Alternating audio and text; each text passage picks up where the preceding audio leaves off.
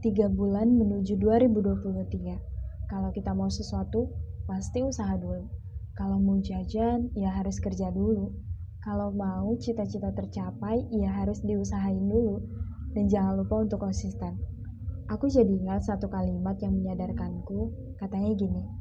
Kalau mau dan mengukur kemampuan kita, kita harus mencoba dulu dan menjalaninya, bukan hanya dianganin aja, tapi dikerjakan.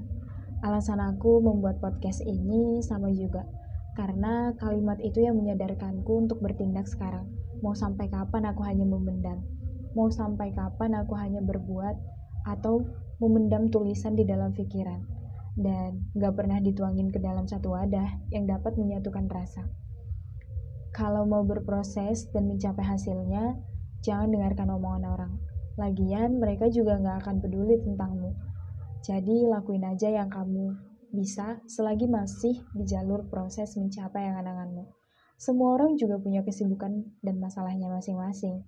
Jadi nggak bakalan sempat untuk mikirin kita.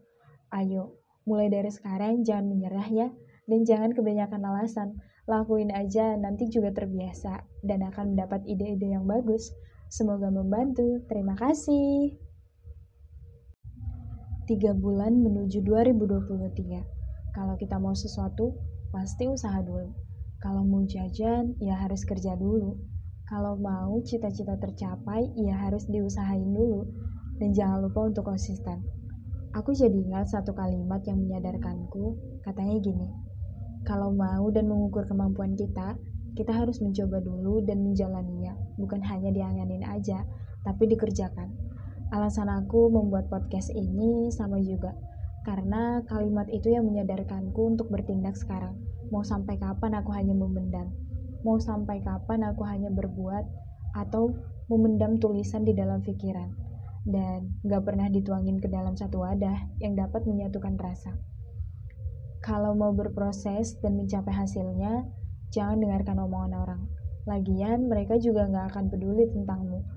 Jadi lakuin aja yang kamu bisa selagi masih di jalur proses mencapai angan-anganmu.